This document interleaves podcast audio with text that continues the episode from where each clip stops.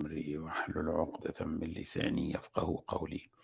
السلام عليكم ورحمة الله وبركاته. أهلا بحضراتكم في الحلقة رقم 24 من حلقات سلسلة تدبر أسماء الله الحسنى. وهذه هي الحلقة الثالثة والمتممة لحلقات اسم الله الرحمن الرحيم. تكلمنا في الحلقتين الماضيتين عن اسمي الله الرحمن والرحيم وقلنا إن الرحمن هو ذو الرحمة الواسعة التي وسعت كل شيء وكل إنسان مؤمن وكافر والرحيم هو ذو الرحمة الخاصة بالمؤمنين. وقلنا إن اسم الرحمن الرحيم اسم مركب من الاسمين دول ويشمل المعنيين.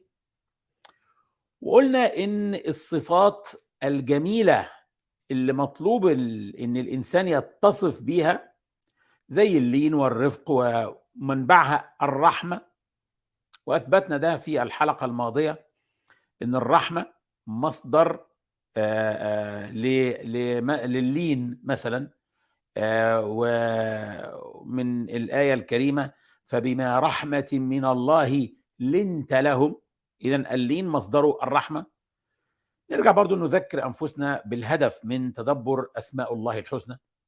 ربنا قال في سورة طه ولله الأسماء الحسنى. الله لا إله إلا هو له الأسماء الحسنى.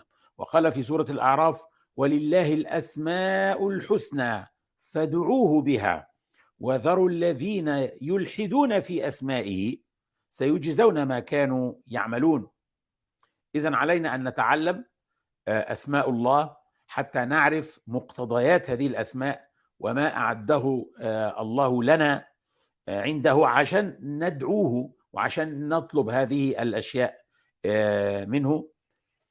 والنبي عليه الصلاة والسلام شرح لنا ده وبين ده في حديث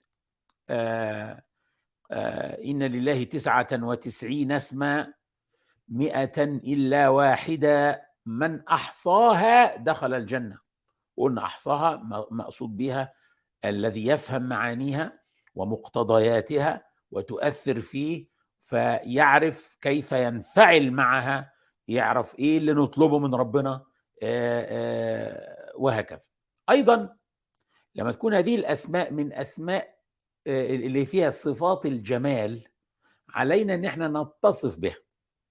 هناك أسماء فيها صفات لله لا يجوز إن الإنسان يتصف بها ودي اللي بيسموها أسماء الجلال اللي هي المتكبر الجبار المتعالي لا يجوز للإنسان إنه يتصف بها وهي صفات خاصة بالله وحده.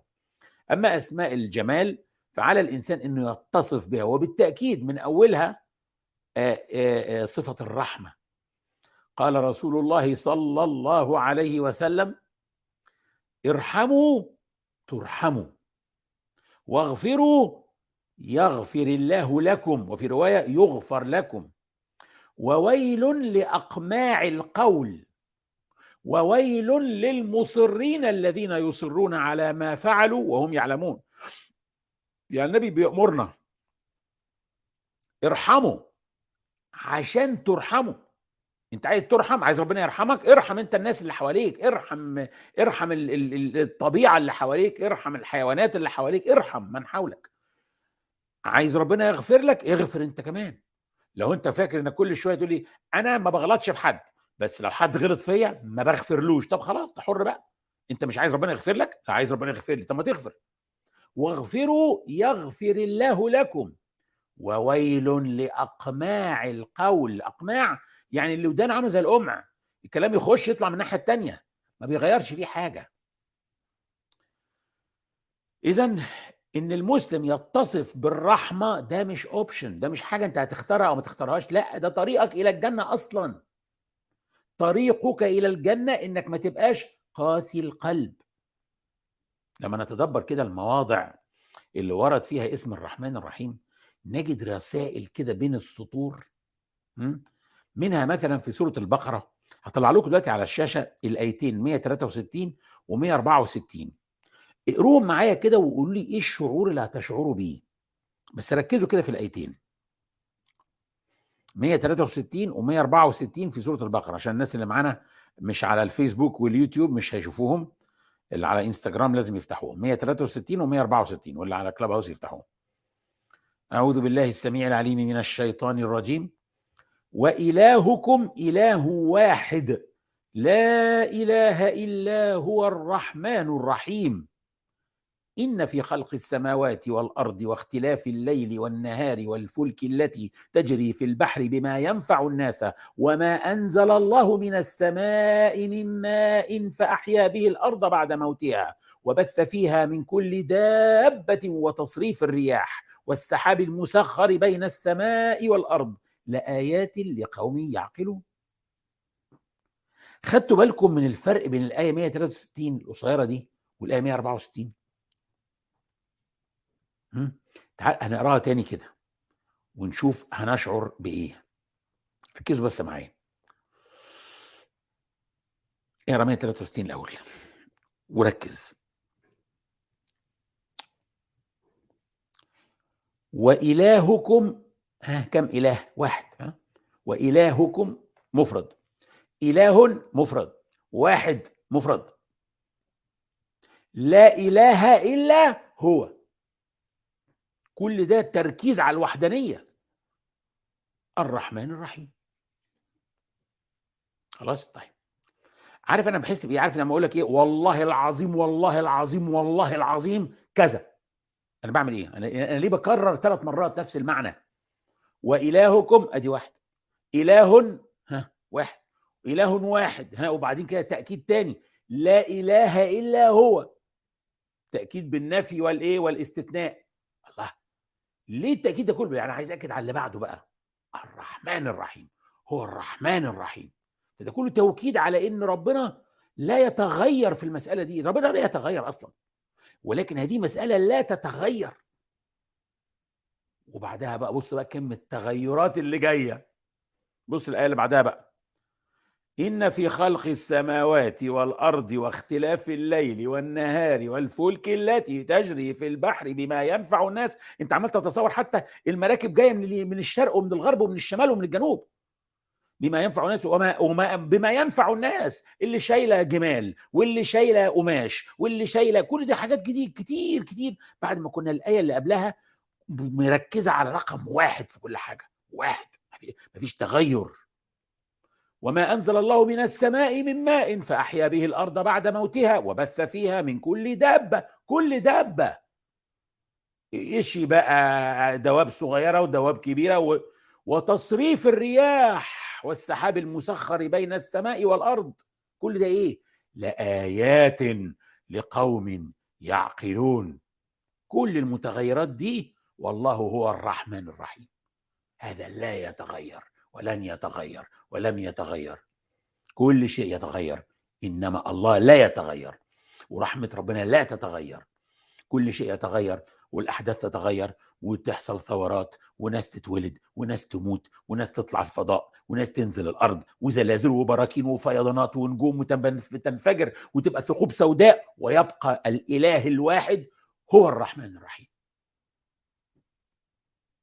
هو مش ممكن حد يقول لي طيب هو الإيمان برحمة الله ده مش بيشجع الإنسان على المعصية؟ يعني بكون واحد مؤمن قوي إن ربنا رحيم. مش ده يشجعه إن هو يعصى ربنا ويبقى مطمئن؟ لأن طالما مؤمن وعارف إن ربنا رحمن رحيم بقى خلاص هيتجرأ على المعصية نرد نقول له لا. اللي بينجح هو اللي بيخشى الرحمن يخشى الرحمن. يعني رحمة ربنا تؤدي عنده إلى إنه يخشى الله. ليه؟ يخشى ألا ينال رحمة الله. ما ممكن ما ربنا رحمن رحيم بس ممكن بعض ممكن بعض الناس لا ت... لا تنالها الرحمة. الكفار لن تنالهم رحمة الرحيم. فربنا بيقول إيه في سورة ياسين؟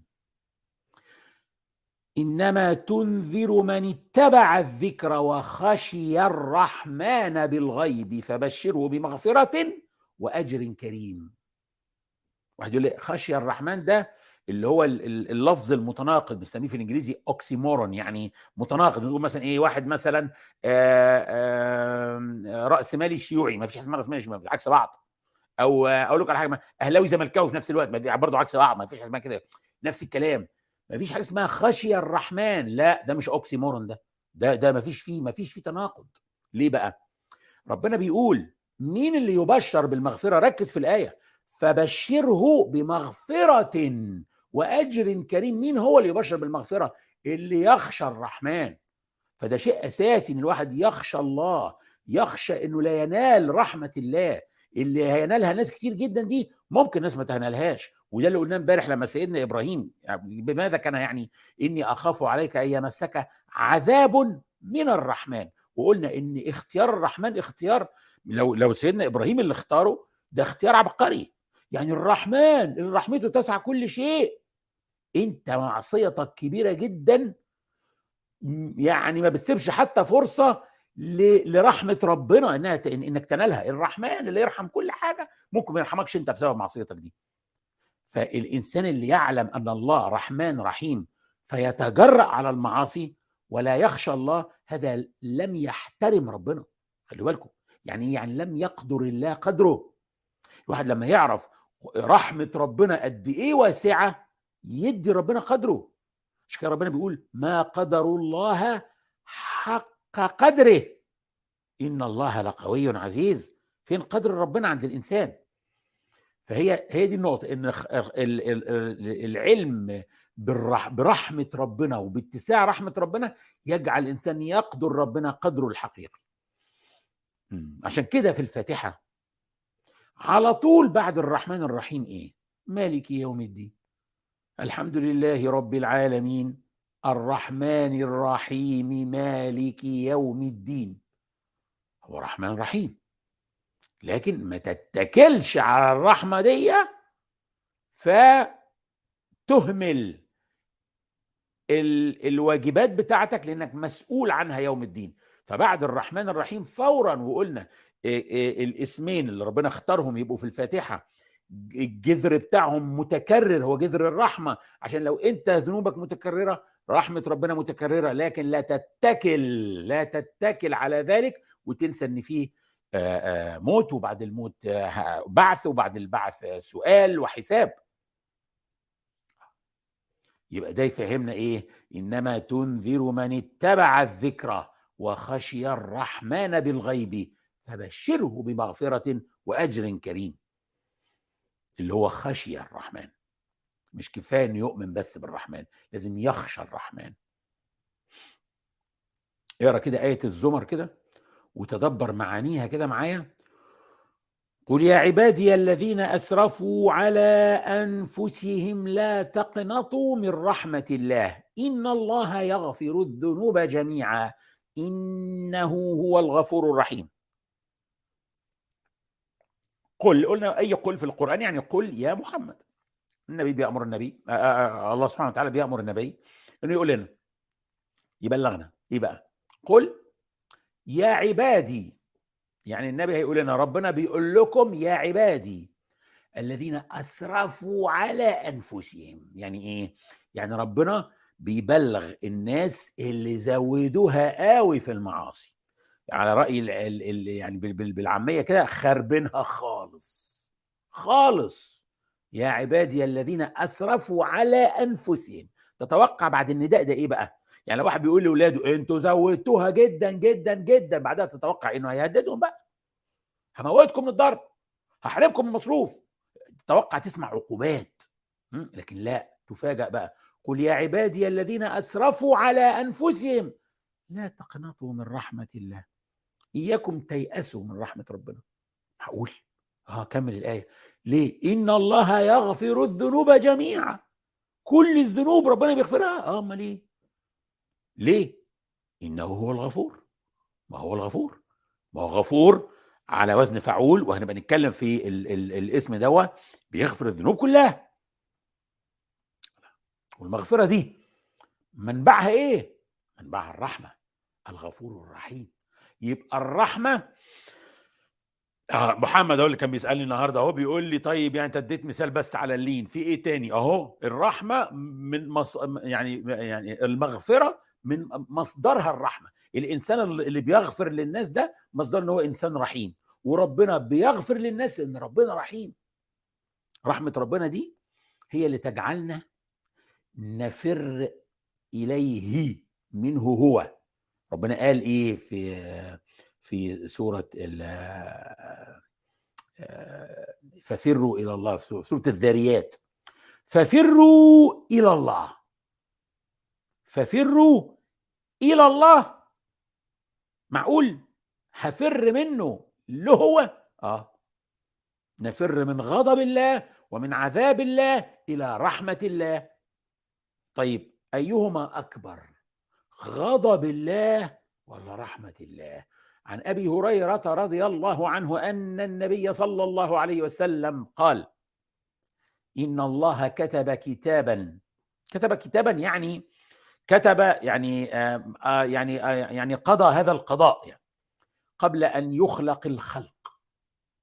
إن رحمتي سبقت غضبي فهو مكتوب عنده فوق العرش. رحمة الله سبقت غضب الله. ما معنى سبقت؟ ما نعرفش. ممكن السبق في القوة السبق في حاجات كتيرة جدا. اذا يعني رحمة الله أقوى من غضب الله. دكتور أحمد جلال كنت بتكلم معاه قريب وحكى لي حكاية لطيفة قوي. كان بيلعب استغماية مع أولاده في البيت. فالمفروض إن هم بيستخبوا منه وهو بيدور بقى عليهم عشان يمسكهم يعني.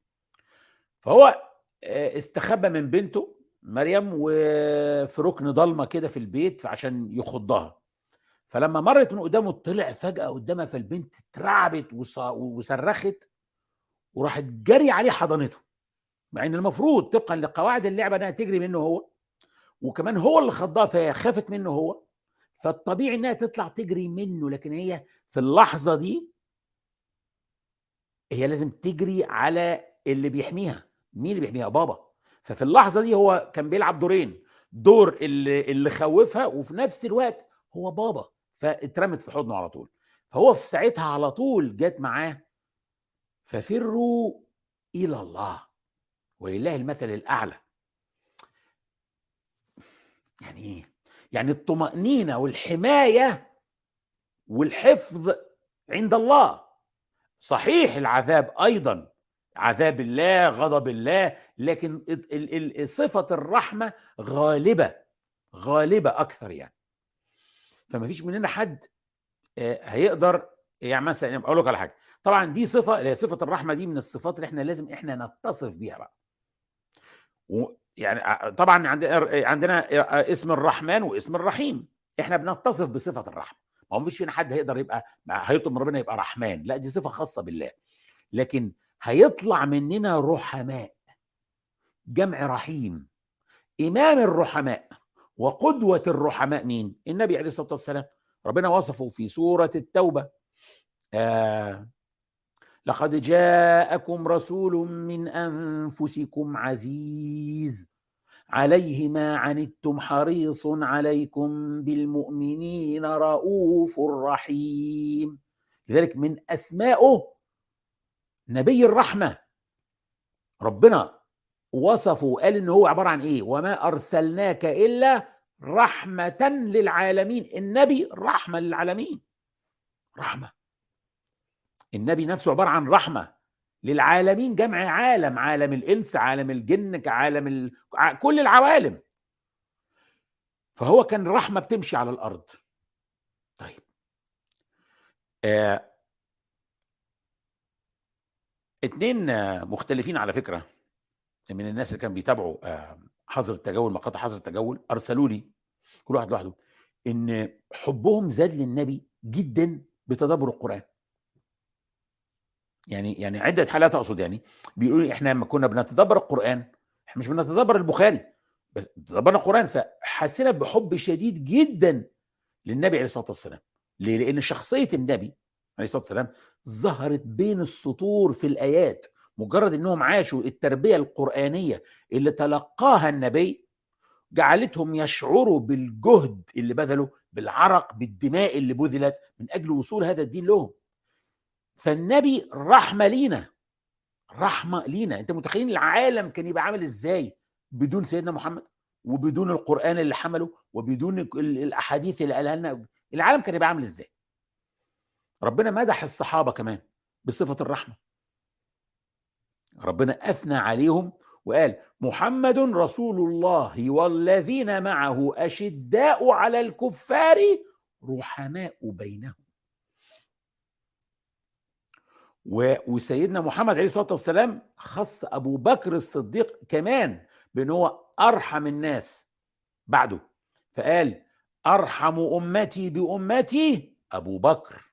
أكثر الناس رحمة بعد الرسل سيدنا أبو بكر الصديق.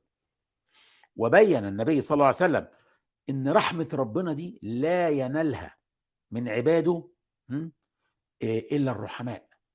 قال إنما يرحم الله من عبادي من عباده الرحماء.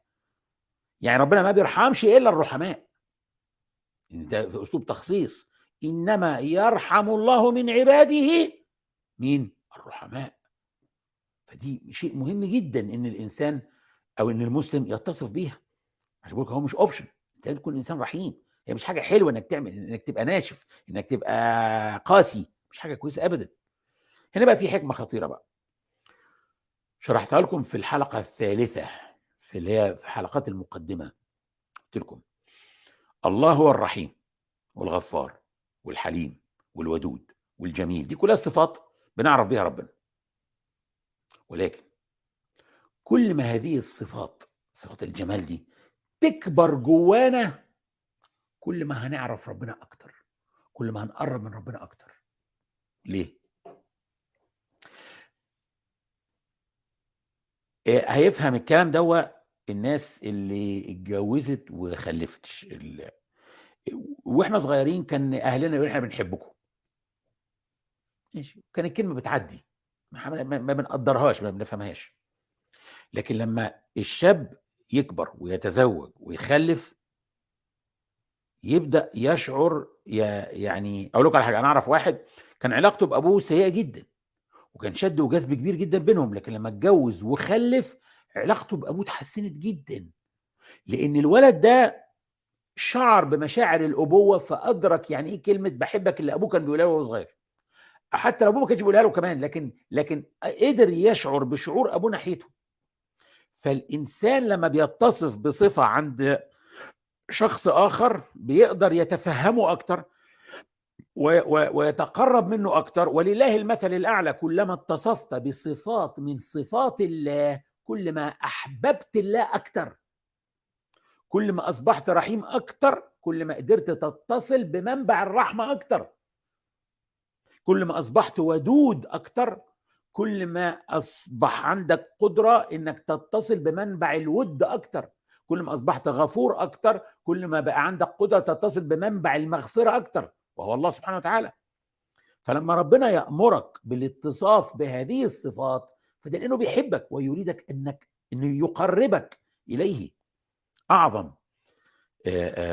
رحمة على فكرة بالناس إنك تهديهم إلى التوحيد.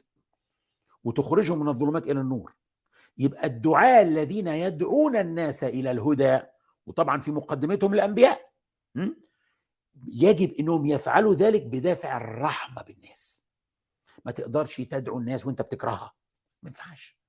لذلك بنشوف عاطفة إيمانية عند عند الرسل. قومهم بيعذبوهم وبيبهدلوهم وفي الآخر برضه عندهم عاطفة وبيدعوا ربنا إنه يهديهم. ليه؟ عندهم عاطفة ناحيته ربنا كذا مرة يقول لنفسه فلعلك باخع نفسك على آثارهم إن لم يؤمنوا بهذا الحديث اسفا خلاص يعني الناس ضربتك بالطوب وشتمتك وقتلت أتباعك وعذبتك وحصروكم وبرضه بتزعل عليهم لما ما بيؤمنوش. أيوه عنده عاطفة إيمانية. يبقى أول حاجة الرحمة من يعني من من من علامات الرحمة إن الناس إن الإنسان يدعو من حوله ده معناه إن هو بيرحمهم لأن هو بيدعوهم. وطبعا الدعوة إلى التوحيد أول حاجة. فأنت حتى حتى الكافر لازم تدعوه أنت كمان. طيب. ثم الرحمة بالناس في المعاملات. وأنت بتتعامل معاهم ترحمهم. في أنفسهم في أعراضهم في عقولهم. ما تقعدش تفتي على الناس وتقول لهم كلام فارغ وده ده ده ده, ده, ده, ده ضد الرحمة. في أموالهم ما تنصبش على الناس. ما تقولش الناس تعالوا شغلوكم فلوسكم وفي الآخر أنت عارف إن أنت مش هتعرف تشغلها. وهتخسرها. مش لازم مش بالضرورة إنك تنصب عليهم. لكن اللي بياخد الناس فلوسهم ويغامر بيها دوا دفع الظلم عنهم تفريج الكروب عنهم الإحسان إليهم تعزية الناس لما لما يبقى عندهم مصاب ولا يبقى عندهم مصيبة. قضاء حوائج الناس. أولى الناس بالرحمة بتاعتك كمان برحمتك الوالدان أبوك وأمك قرايبك إخواتك أولادك.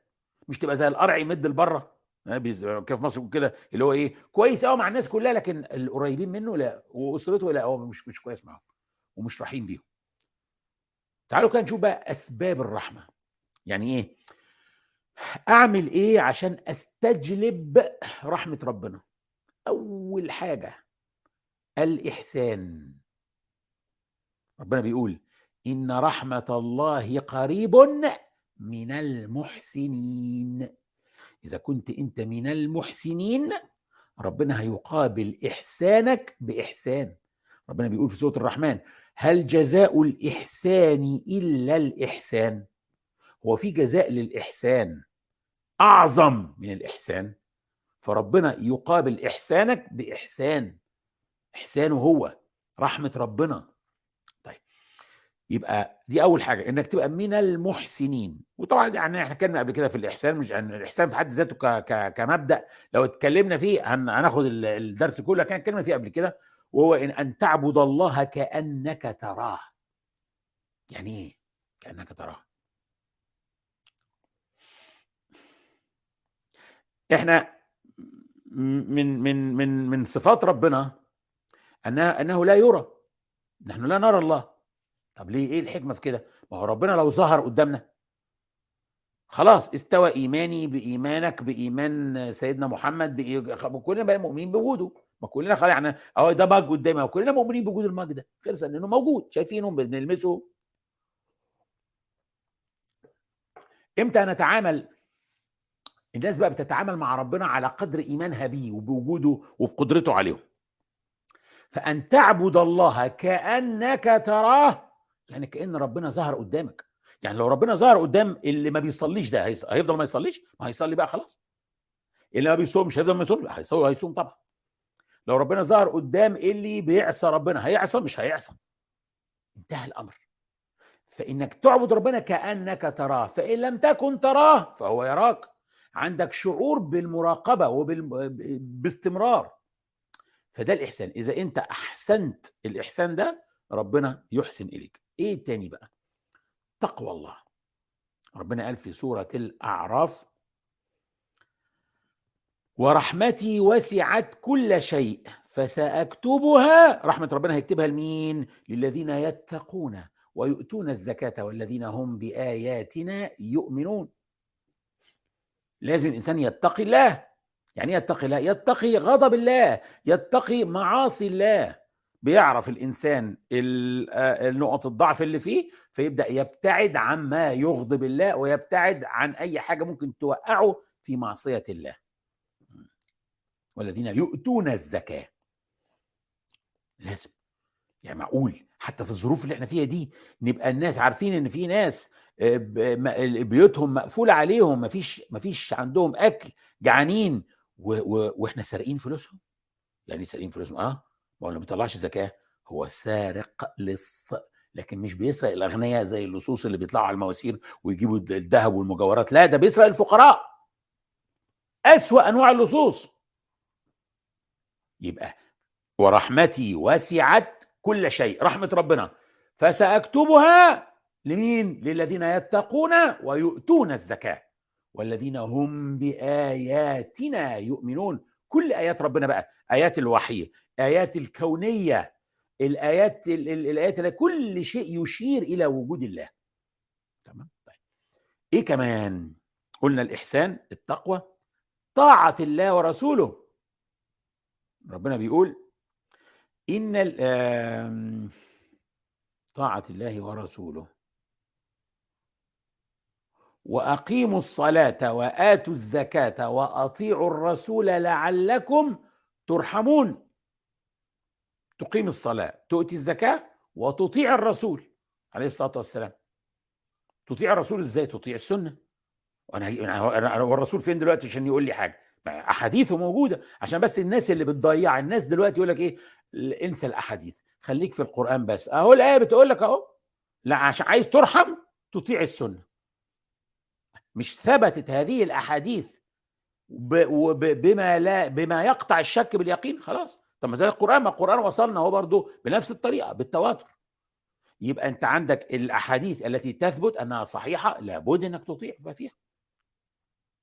ما تصدقوش يا جماعة الناس اللي هتضيعكم دي ناس عمالة تود توزوز تودود كده في ودون الناس بكلام آه، يعني يضيع والله يضيع الدين. إيه كمان؟ يستجلب رحمة الله. التضحية من أجل هذا الدين. إن الذين آمنوا والذين هاجروا وجاهدوا في سبيل الله أولئك يرجون رحمة الله. والله غفور رحيم. الناس اللي بت بت بتجاهد وبتضحي من أجل هذا الدين هي بتستجلب رحمة ربنا. أولئك يرجون رحمة الله. والله غفور رحيم. طيب عارفين إيه كمان؟ حذروا فذروا. دي هتعجبكم قوي بقى. تدبر القرآن. يست... ده استجلاب لرحمة الله. ربنا بيقول وإذا قرئ القرآن فاستمعوا له وأنصتوا لعلكم ترحمون. لابد من الإنصات والتركيز والتفكر والتدبر. مش يشغل القرآن background كده زي إيه يعني هو هو قاعد بيذاكر مشغل القرآن ما يسمعوش وفاكر دي حاجة كويسة. يا جماعة لما قلت الكلام دوت وانتقدت الناس اللي بتصحى الصبح تقوم مشغله قناة المجد الفضائية قرآن يتلى آناء الليل وأطراف النهار ويقعدوا بقى يعيشوا في حياتهم بقى وده يعمل تليفونات مش عارف إيه وده بيدخل بيطبخ وبتعمل أما الناس على فكرة معظم الناس انتقدتني على الكلام ده ومش عاجبها برضه. لا إحنا بنشغل القرآن الصبح بركة. بركة جبتوا كلام منين؟ البركة في انكم تفهموه وتسمعوه وتنفذوا اللي فيه. لكن تعامل القرآن المعاملة دي وكأنه موسيقى تصويرية ده كلام غريب جدا. وما زلت مصر الحقيقة إني متعجب إن في ناس لسه ما زالت بالعقلية دي. سبحان الله. بنشغل مش الرسول صلى الله عليه وسلم قال إن اللي يشغل البقرة هتطرد الشياطين؟ لا ما قالش كده. وأتحداكم. ها فين؟ الرسول أمر بقراءة اقرأوا البقرة فإنها لا تستطيعها البطلة. فإن في تركها فإن في أخذها بركة وفي تركها حسرة ولا تستطيع. الإقراء البقرة مش شغلوا البقرة؟ يا جماعة أنتوا بتفهموا الدين على إزاي؟ لابد من الإنصات والتركيز والتفكر والتدبر في آيات الله لما تقرأ. يا إما اقفل اقفل. مش لازم تشغلها طول الوقت. جبت منين الكلام ده؟ مش صحيح. طيب. يبقى اذا تدبر القرآن أيضا من أسباب استجلاب الرحمة. الاستغفار. ده اللي تعلمناه بقى من نبي الله صالح في سورة النمل لما قال إيه لثمود؟ لولا تستغفرون الله لعلكم ترحمون. يبقى الاستغفار بيستجلب الرحمة. سيدنا موسى تعلمنا منه كمان إن إحنا ما ندعوش لنفسنا بس بالرحمة. ندعو للآخرين. فإيه؟ سيدنا موسى بيقول إيه؟ قال رب اغفر لي ولأخي وأدخلنا في رحمتك وأنت أرحم الراحمين. طب ما يدعي لنفسه. يا رب اغفر لي. وأخوه جنبه يدعي لنفسه. وكل واحد يدعي لنفسه. لا ادعي لنفسك وادعي لأخوك. هتخسر إيه لما ربنا يرحمك ويرحم الناس معاك؟ هي رحمة ربنا ضيقة. ده من صفات رحمة ربنا إنها واسعة. واسعة. ربنا بيقول آه فإن كذبوك فقل ربكم ذو رحمة واسعة. ادعي للناس معاك بالرحمة. أقول لك ده أنت كل ما ربنا رحمته اتسعت كل ما فرصتك أنت زادت.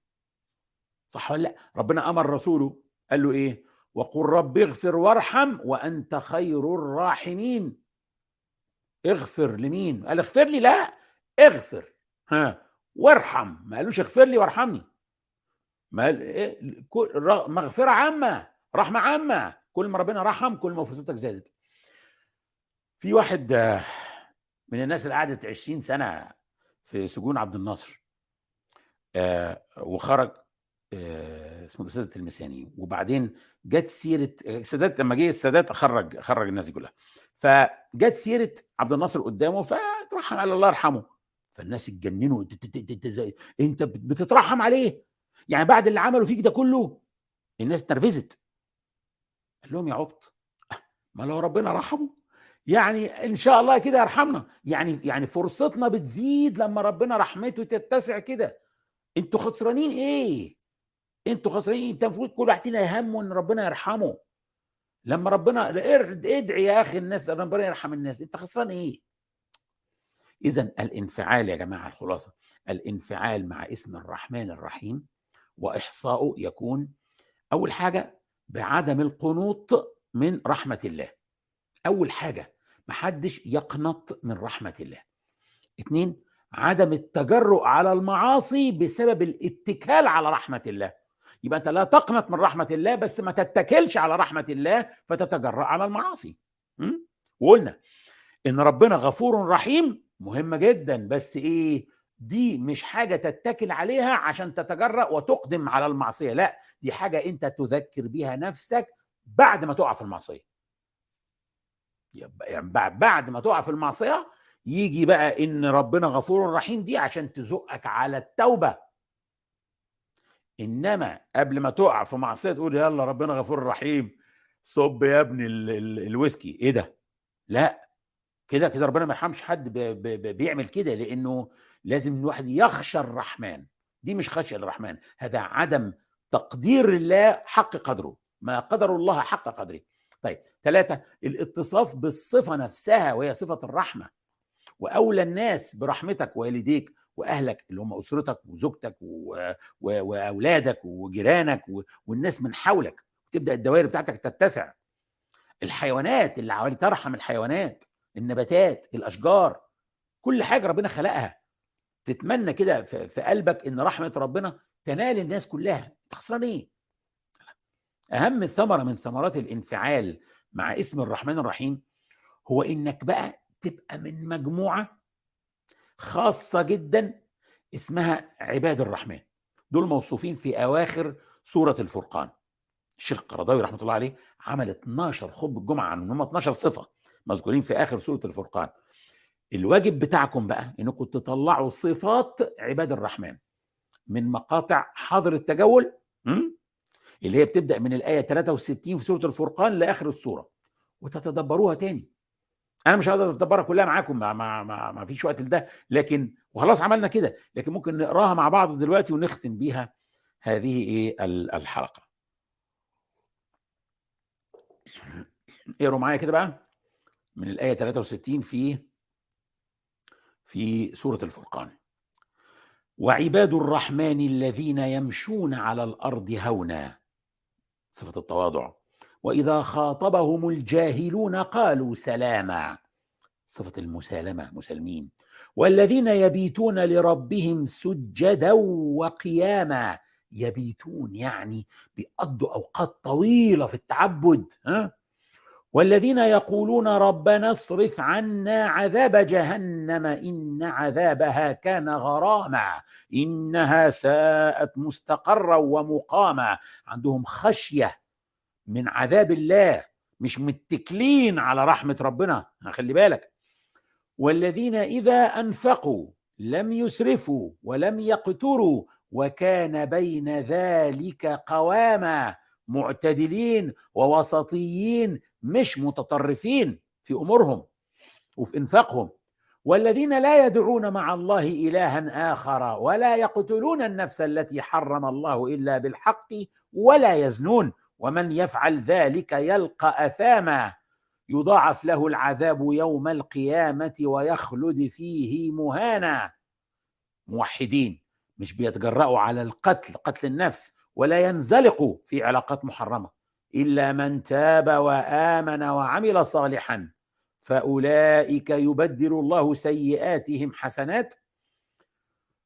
وكان الله غفورا رحيما ومن تاب وعمل صالحا فإنه يتوب إلى الله متابا يتوبون ويجددون إيمانهم ويعملون الصالحات.